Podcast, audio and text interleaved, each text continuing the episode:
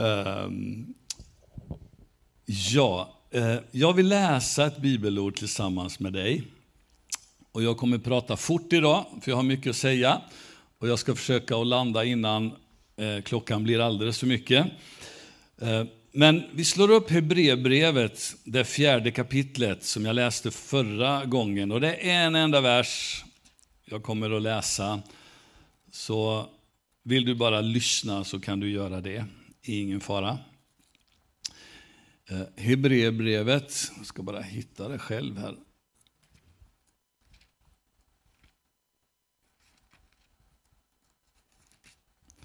Man blir lite handikappad med bara en hand. Jag brukar ofta ha en sån där eh, headset och då kan man ju använda båda händerna. Så, men nu är jag framme. Hebreerbrevet 4 och den tolfte versen, då står det så här. Ty Guds ord är levande. Det är verksamt och det är skarpare än något tveeggat svärd och tränger igenom så att det skiljer själ och ande, led och märg. Och det är en domare över hjärtats uppsåt och tankar. Jag stannar där. Förra veckan så predikade jag över det här bibelordet och då gav jag er en rejäl bakgrund till Hebreerbrevet och vi backade några kapitel för att se vad det handlar om. Och det är ett brev som är skrivet till eh, judekristna som eh, troligen på grund av att just de blivit kristna är förföljda, de är um, ja, en del tänk, har tappat tron, en del tänker att man går tillbaka till det man hade tidigare. Och då har eh, den som har skrivit det här brevet en hel inledning om, om, eh, som talar om vem Jesus är, om att Jesus är större än lagen, Jesus är större än, än Mose, Jesus är större än änglarna. Och Låt Guds ord få verka i er, för Guds ord är skarpare, det är levande och verksamt. Och låt det få verka i er. Och vi håller på att tala om Guds ord här i kyrkan, vi tar det med 3.16, talar vi om, om Guds ord och ni hörde att barnen kommer tala om Bibeln idag, så det är underbart. Eh, men jag undrar vad folk skulle säga om vi gick ut på samhället, om vi gick ner på gågatan i Ludvika eller vilken annan stad som helst och frågade folk i allmänhet vad de tänker om Bibeln. Vad, vad är Bibeln för någonting? En del kanske skulle säga, ja, det är väl en, en gammal religionsbok. Någon kunde kanske kalla det för eh, sagor eller hittepå eller något. Och någon kanske säger, ja, det är en bok med massa gamla lagar och traditioner. Men, men så är det inte. Visst finns det lagar och visst finns det direktiv i Bibeln, många av dem. Och jag sa sist till ungdomarna att, att de finns där, inte för att vara dum mot dig och mig, inte för att hindra dig och mig, utan snarare för att beskydda oss och hjälpa oss och vägleda oss. Och den bilden jag brukar ta är givetvis utifrån Vägverket när de har sina skyltar och sätter upp eh, omkörningsförbud och så vidare. Det omkörningsförbudet finns inte där för att hindra Ruben som tycker om att ligga först, att eh, köra om jämt och ständigt, utan den finns där för att hindra oss att frontalkrocka med någon eller något vi inte vill krocka med. Och där så bevara våra liv. Och samma är det med, med Guds ord. Och det är levande, det är verksamt. Eh, så som sagt, det finns där för att föra dig och mig till en sann och verklig relation med Gud, där våra liv, där vi får upptäcka vem Jesus är. Och jag tänker att vi ibland inte läser Bibeln av några anledningar. Kanske är det så att någon tänker, men det där är ju pastorns jobb. Det får han göra på söndagar, får han läsa Bibeln för mig och förklara den för mig, för den är alldeles för knepig att, att, att förstå. Han läser och talar om för mig vad Bibeln säger, han har ju studerat teologi och, och förstår vad det betyder, han är ju experten och inte jag. Jag säger bara, snälla köp inte den lögnen. Alltså inte att jag har läst teologi, det har jag gjort. Men köp inte lögnen av att det är jag som ska förklara eller någon annan pastor ska förklara för dig och du bara ska vara en, en eh, vad heter det, mer en eh, simpel mottagare eller liksom att du bara sitter där och, och ska vara passiv. Eh, för, för om du inte läser vad Guds ord säger till dig så är inte du redo att möta den dagliga kampen. För vi har våra kamper att utkämpa oavsett om vi är rik, fattig, lång eller kort, tjock eller smal, mörk eller ljus, vad vi än är, så har vi våra dagliga fighter. Det är saker som slår emot oss, det är grejer som händer, det är beslut som vi måste ta. Det är ständigt en massa grejer. Och är du förälder så har du barn att uppfostra och lever du, eh, har du en make, maka så är det den relationen. Är du på jobbet så är det relationer där. Och hur ska vi bete oss? Vad ska vi göra? På vilket sätt ska vi agera? Och så vidare. Och allt det där behöver vi, där hittar vi faktiskt ledning om i Guds ord, hur vi ska agera i, i, i, i olika situationer. Och du behöver veta vad du tror på. Jag kan hjälpa dig på söndagarna, men alla andra 313 dagar om året, där behöver du faktiskt klara dig själv. Amen. Så en kallelse som vi har i, i Guds ord, det är att meditera över ordet. Och vad är meditation för någonting? Det är inte att sitta med benen i kors och göra någon lotus eller någon sån där grej. Och, hum, vi är inte buddister eller så. Att meditera i biblisk bemärkelse, det betyder att begrunda, tänka. Vad betyder det här för mig? Meditera skulle man kunna säga att det är en en, en, en, en omvänd oro. Eller nej, alltså, inte omvänd, motsatsen. Eller vad ska jag säga? När du oroar dig för någonting, vad gör du då? Då mediterar du Undra hur det ska gå. Nej, nej, det här, nej och det där. Och, och så tänker du på det, du tänker på det, du klurar ut lite utgångar. Vad kommer det bli av det här? Vad kommer det att hända? Hur, hur blir det nu? Och nej, tänk om det blir så. Och du liksom, de där tankarna maler på. Och det är oro. Men Guds, Guds ord uppmuntrar dig och mig att mala på med Guds tankar för dig och mig. Och Det finns en mängd olika ställen i Bibeln som uppmuntrar till det här. Josua kapitel 1, vers 8-9. Där säger Gud till, till Josua som skulle liksom ta rollen efter Mose. Han skulle föra folket in i det förlovade landet. Och han, vad det nu skulle bli den nya ledaren, så säger han, låt den här lagboken inte vara skild från din mun. Utan tänk på den dag och natt. Vik inte av från den, varken sig till vänster eller till höger. Så ska du ha framgång i allt det du företar dig. Och det här är inget så här äh, sju steg till ett perfekt liv, utan det är lyd Guds råd. Låt Guds ord få landa i dig. I psalm 119, som är den längsta salmen i Bibeln, den elfte versen, så står, så står det så här jag bevarade mitt ord i, ditt ord i mitt hjärta för att inte synda mot dig. Att bevara ordet i hjärtat, att låta det finnas där.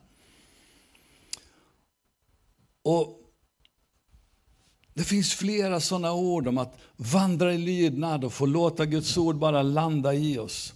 Och kallelsen är inte så mycket att, att liksom kunna svaren på varenda liten grej. Nu minsann ska jag få högst poäng i nästa bibelquiz. Det finns sådana också. Och det är bra att ha kunskap, det är inte det jag menar. Och, och jag, vi är så glada för att vi har Dan Wiklund med oss gång efter annan i varje samling. Och vet inte vi andra någonting så bara frågar vi Danne, vad säger du? Och pang så kommer svaret. Underbart!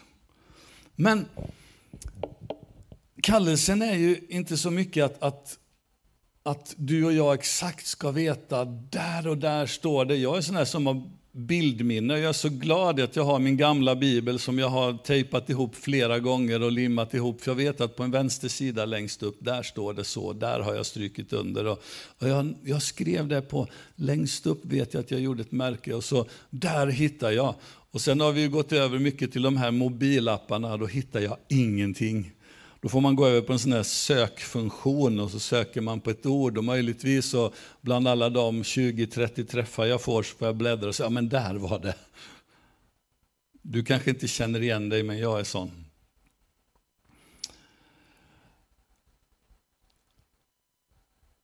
Men det är viktigt att läsa Guds ord för att Guds ord gör någonting i våra hjärtan. Och Gud vill ständigt tala till dig, påminna dig och mig ständigt om vem han är och vem du är och den relationen du och jag har med honom och hans tankar för dig och mig.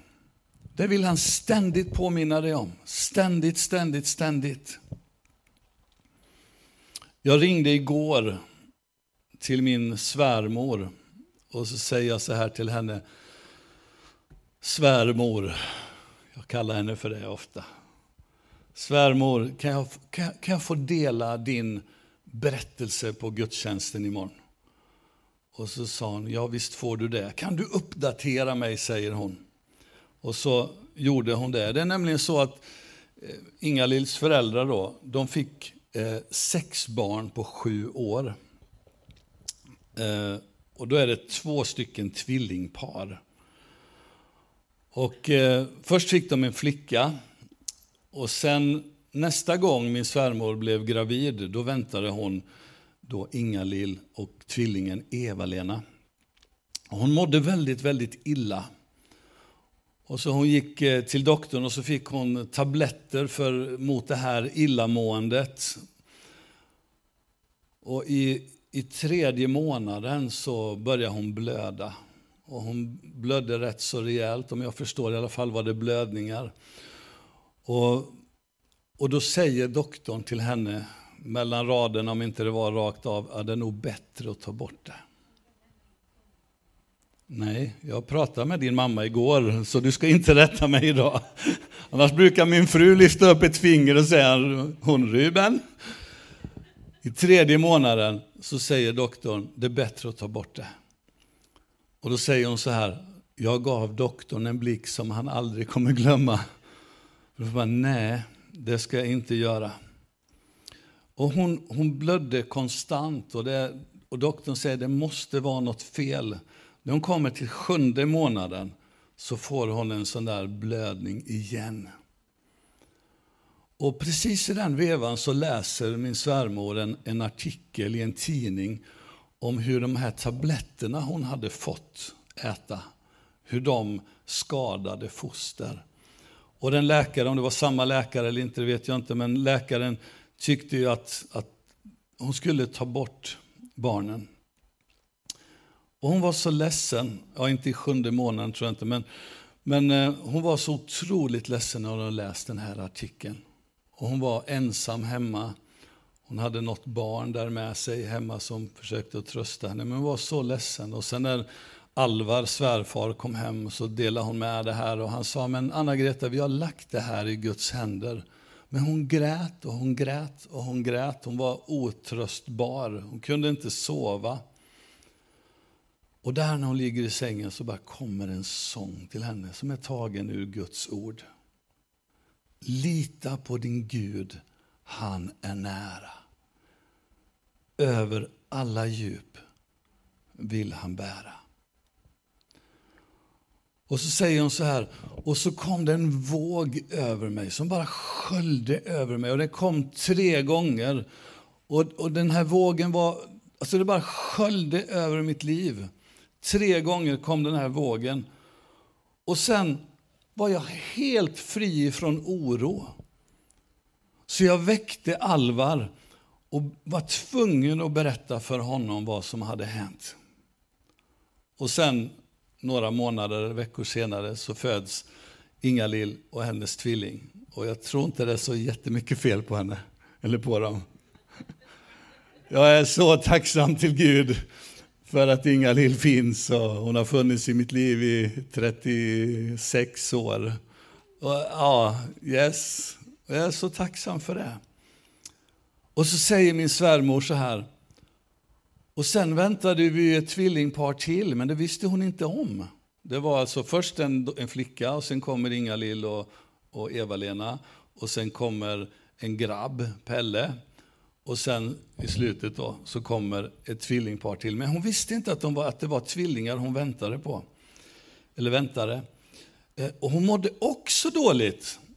Och i det läget så orkade hon inte läsa, så hon hade inte läst Bibeln på ett tag. Hon bara kände så här, jag orkar inte. Du har säkert aldrig känt så, men hon gjorde så. Och det är säkert många som har känt så. Men så en dag så bara, nej jag måste läsa. Så tar hon fram sin bibel. Och så slår hon upp bibeln. Och så slår hon upp psalm 147. Och där står det i den trettonde versen. Han har välsignat dina barn i dig. Alltså det står i plural. Han, Herren, har välsignat dina barn i dig. Och svärmor säger så här, det var som en, alltså det var som en röst som bara talade, så hon bokstavligen bara säger rakt ut, jaså, är det två? Som hade en konversation med Gud. Där. Och det blev två, Åsa och Pia, som kom då. Och det här är Guds ord. Vad Guds ord gör med oss och i oss. Och när vi tillåter Guds ord träffa våra hjärtan och göra någonting i våra liv. Så Guds ord är övertygar, Guds ord är verksamt, Guds ord är levande. Och vi behöver låta oss drabbas av Guds ord. Har du no någon gång läst Bibeln och blivit övertygad om din egen synd? Har du gjort det någon gång? Ja, det var fyra personer. Ja, några till. Men du kanske inte har tagit tag i något och, du, du, eh, och nu visar Gud det för dig. Inte för alla andra, för dig. Och du bara känner, Gud, jag måste göra någonting. Och Det är det det handlar om, att låta Gud göra någonting. För i nästa steg så, det är samma sak när du läser ordet och slutligen förstår och inser att Gud älskar dig och han har faktiskt förlåtit dig fullt ut. Helt och hållet. Du förstår att han älskar så mycket att han dog för dig. Och du kan inget annat än att överlåta dig till hans kärlek. Och Det här är en del av vad Guds ord gör när det får tränga igenom i ditt och mitt liv. Det gör någonting med oss. Det, det, det, det förvandlar våra liv. Jag hoppade över en del i mitt utkast här.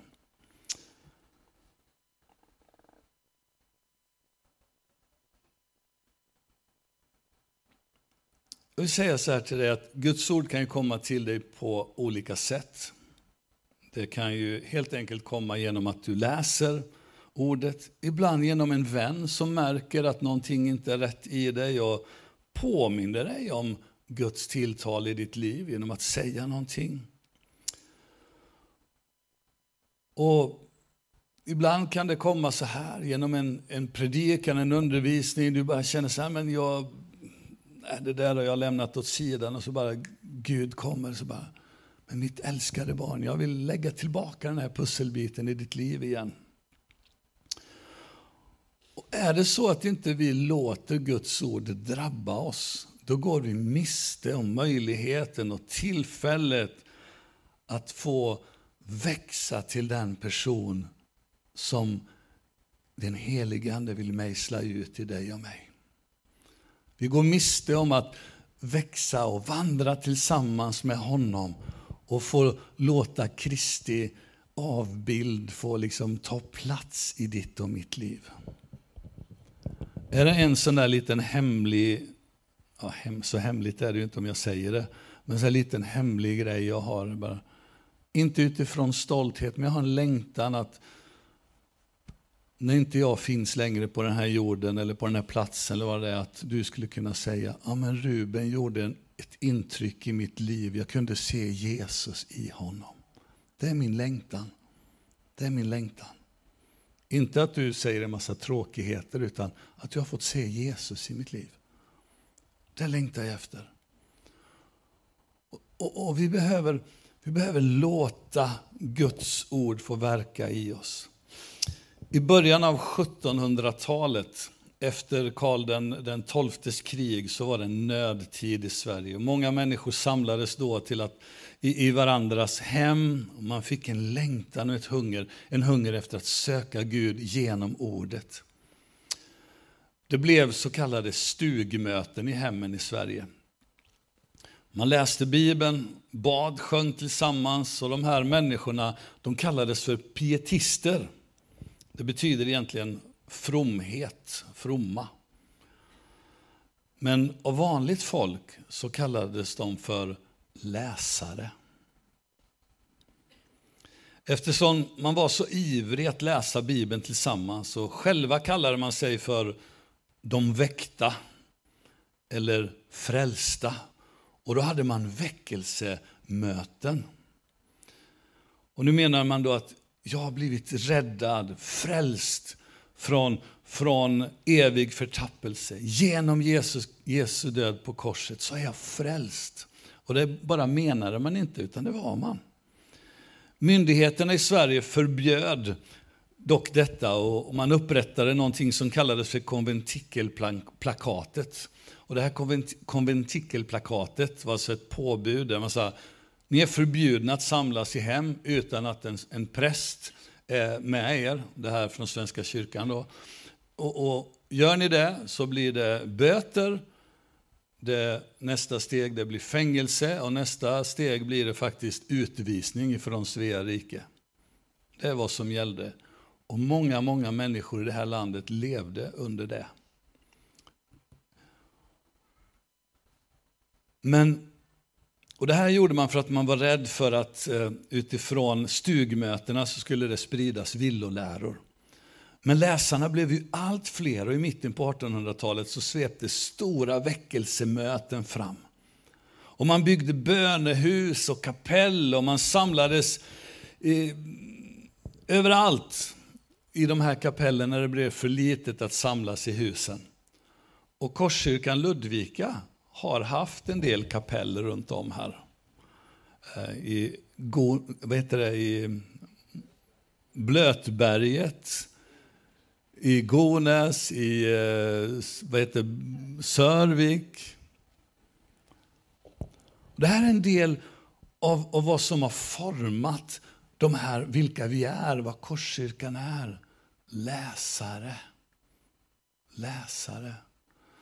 Och tänk om vi kunde få bort den här, eh, vad heter det, se nu ska jag backa bandet. Tänk om vi skulle bli läsare på nytt igen, på riktigt. Det suget efter att få läsa ordet bara finns där. Och det finns så många verktyg. I fredags så pratade vi med ungdomarna om bibelappen, Bibeln. Eller YouVersion, där man kan prenumerera och få dagens ord och följa läsplaner och få läsa Guds ord. Och bara jättefort, sen slutar jag. Ska se om bilden kommer.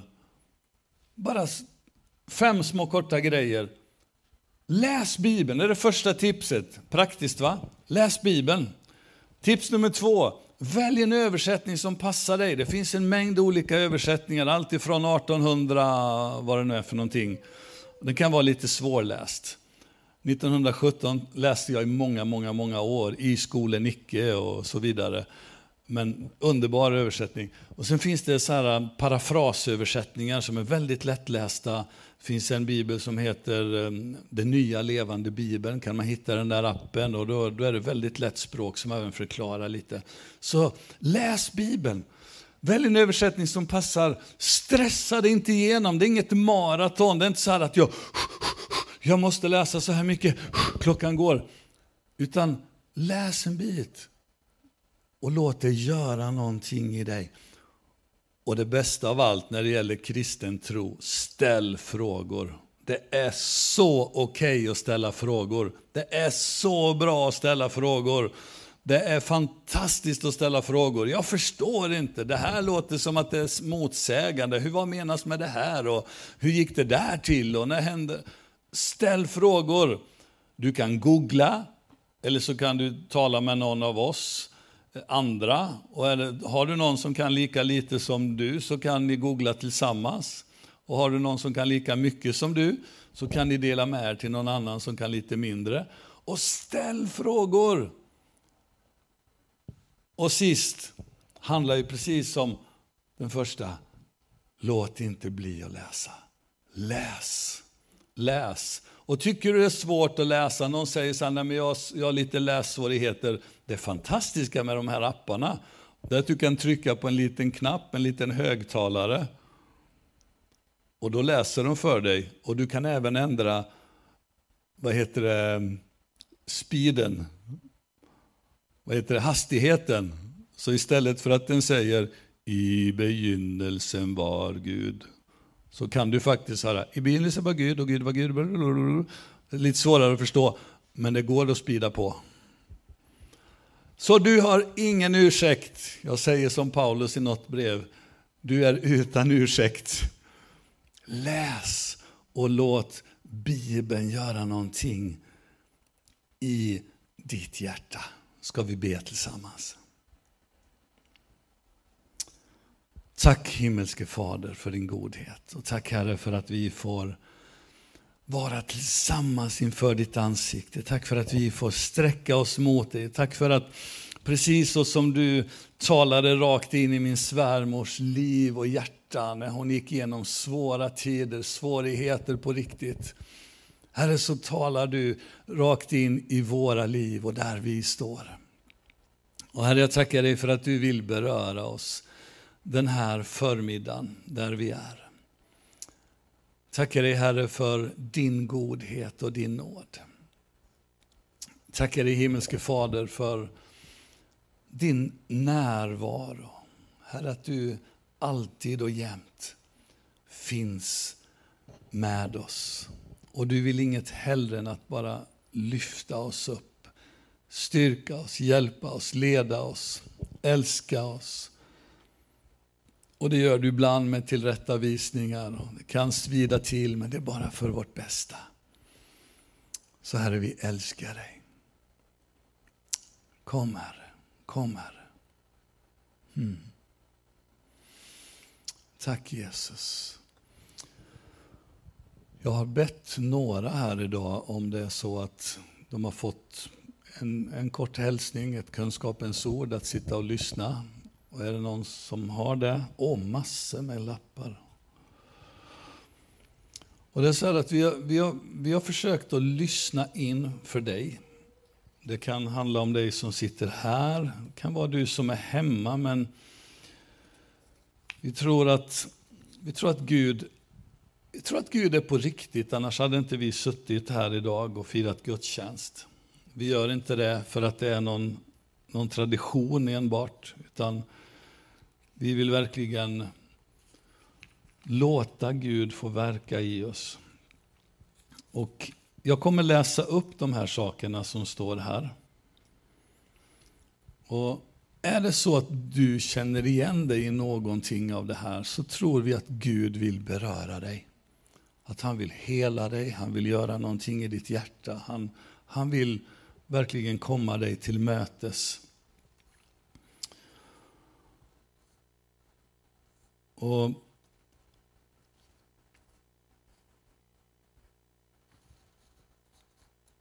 Så här står det. Jag läser på den ena lappen står det den hälsning, ta första steget. Våga göra det, för Gud vill att du ska veta att han redan har gjort det. Våga. Du duger, du räcker och du är mer värd än vad du tror. Här är en annan. Och det är till dig, du, kanske är det så att du har känt dig som i en jordkällare. Men dörren är öppen. Du kan bli fri. Och sen har jag två stycken som handlar om dåligt knä eller dåliga knän, ben, och verk i ett knä eller kanske båda, så vill Herren beröra dig till helande. Och sen är det någon som har problem med nacken, du har ont i nacken, nackbesvär, och någon som kanske har ont i huvudet. Sen har jag några till här och det är bara ord, en, ensamhet. Så ett annat, Gud ser dig och det tror jag hänger ihop med det första. Och så ett tredje, stort snötäckt berg där all, all snön smälter bort och snön glider av berget. Jag, jag ska inte tolka det åt dig, men jag får tankar när jag hör det. Och vad vi skulle vilja göra just nu, det är att om du känner igen dig i något av detta, om du känner igen dig i något av detta, så skulle jag bara vilja att du, du lyfter din hand. Mm. Det är flera. Och jag skulle vilja att vi aktiverar varandra här i lokalen idag. På något sätt. Med all försiktighet, vi ska inte lägga händerna på någon. Men behåll din hand uppe om du känner igen dig i något det här. Och så tittar ni andra runt omkring er. Är det någon som är nära dig som du kan be för och tillsammans med? Här har vi två stycken personer, så jag behöver två personer som kommer hit.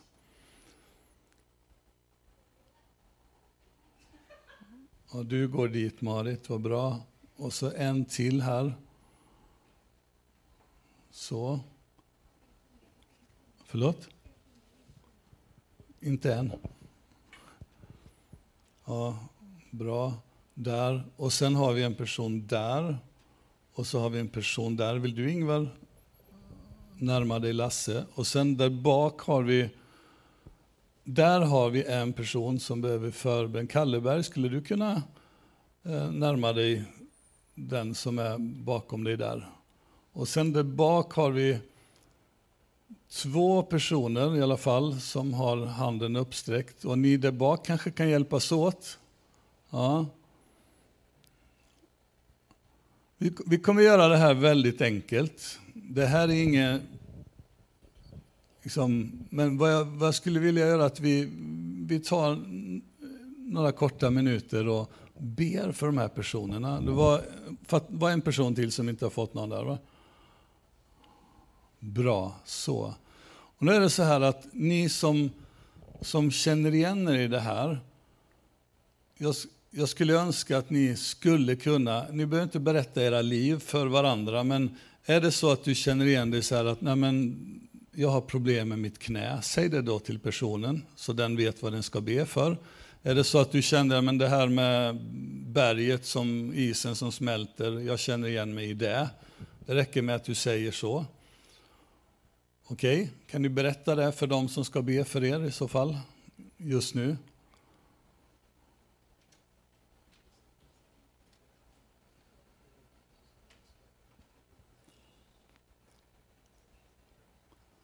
Nej, vi kan behålla sändningen, det är ingen som syns. Ja. Och du som är där hemma, jag vill säga till dig att du som sitter hemma, om du har någon jämte dig så kan ni, ni be tillsammans. Så är, det, är du själv, så bara lägg din hand på ditt hjärta om det var något känslomässigt eller så, eller något problem som inte är fysiskt. Och är det ett fysiskt problem så ber jag dig att lägga din hand då på, på ditt knä, om det nu skulle vara där, huvudet, nacken eller något av det som uttalades. Eller om det är ytterligare någonting annat som vi inte har sagt här, så vill Gud i alla fall beröra dig. Och nu så ska vi be för varandra och vi gör det väldigt enkelt. Vi tar max, max en minut, ta ingen långtradarbön utan ta en kort, väldigt konkret bön. Är det knäna som gjorde ont eller nacken och det, säg jag talar helande till det här knät, jag talar helande till nacken i Jesu namn. Smärta gå. Var väldigt konkret.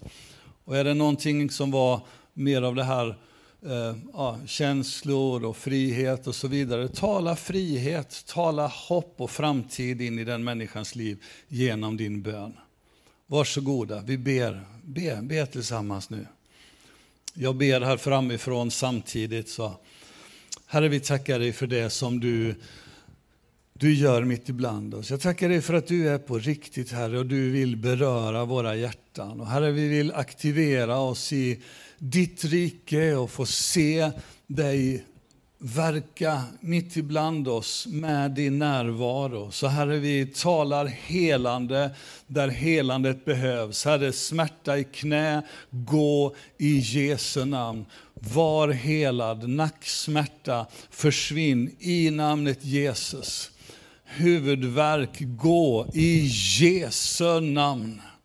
Och Herre, vi talar till den som till den, den som känner sig ensam eller övergiven eller i någon form av eh, fångenskap i en källare. I Jesu namn, frihet kom. Bojor bryts i namnet Jesus just nu. Kom Herre med din frihet och ditt, din, din, din, ditt hopp rakt in i den situationen. I namnet Jesus. Och Herre, där ensamhet finns så talar vi, Herre, gemenskap. Vi bryter med ensamhet i namnet Jesus. Bara uttala din kärlek att du, Herre, ser den personen. Den är sedd, älskad, omringad, omhuldad av dig. Därför att du är Gud. Tack himmelske Fader. Tack himmelske Fader. Tack himmelske Fader. Jag skulle bara vilja att ni som har bett för, för helande på något sätt, eller fått förbön, kan ni bara kolla om det har blivit någon skillnad. Kolla efter, känn efter, våga känna efter, därför att vi leker inte kyrka, vi är kyrka. Är det så att du hade ont i nacken, känn efter, är det bättre eller är det likadant?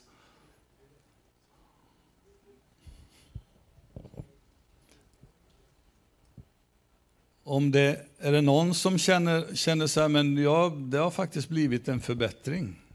Jag kommer inte kalla fram dig. Jag vill bara höra. Där är en person som säger att det har blivit förbättring och jag förstår att det var nacken utifrån jag såg att ni bad. Ja, din nacke har blivit bättre. Tack Jesus. Dina knän känns bättre. Tack Jesus. Underbart! Oh, oh, vad roligt det är att bara få komma till Jesus. Um, ni som inte var bättre, vi ber en gång till. Tio sekunder bara, bara uttala. Bara uttala det som inte blev bra eller är lite bättre, men ska bli ännu bättre. Kom med helande Herre i Jesu namn. Fullständigt. I Jesu namn. Smärta gå, stelhet gå. Helande kom i namnet Jesus. Amen. Får ni känna efter igen.